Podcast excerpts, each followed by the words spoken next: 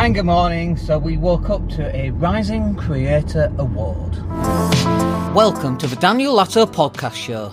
Fresh content covering business, investing, marketing, money, health, and more. Hey, it's Dan. Hope you're well. So yes, we woke up to a Rising Creator Award on Facebook. Now, I have no idea what that means. None. Just none, right? And I don't even know why we were awarded, you know, that thing. And it's not like there's a there's an alternative cash prize because we'd have taken a cash prize, quite frankly. Um, so I don't really know what that even entails. But what I do know is that we've never had it before, so we've got to be doing something right.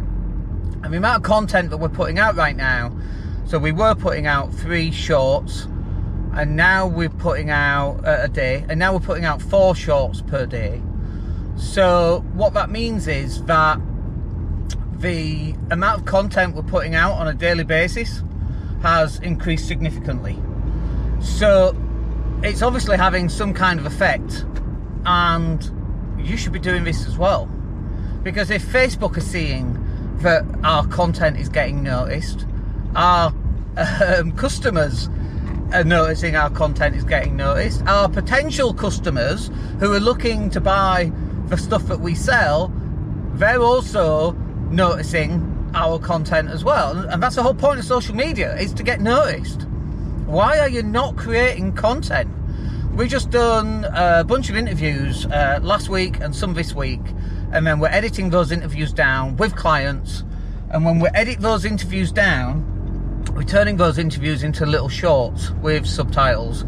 And uh, I was just checking YouTube stats this morning, and the first client that we've done that for, their views on YouTube are going up. It's one of the most popular videos on their channel. And that came from doing a 45 minute video interview with our man Dave, who works for me, and creating little shorts out of that. So not only do we get this long form piece of content, we also get this short form piece of content. And in addition to that, for me personally, I now also get an hour long interview. We're going to distribute that because it's to do with property, so relevant because I've been in property for 25 years now. Uh, plus, we get the podcast out of it. And plus, some of the stuff, the information on there is absolute gold dust. Some of the stuff that councils get up to.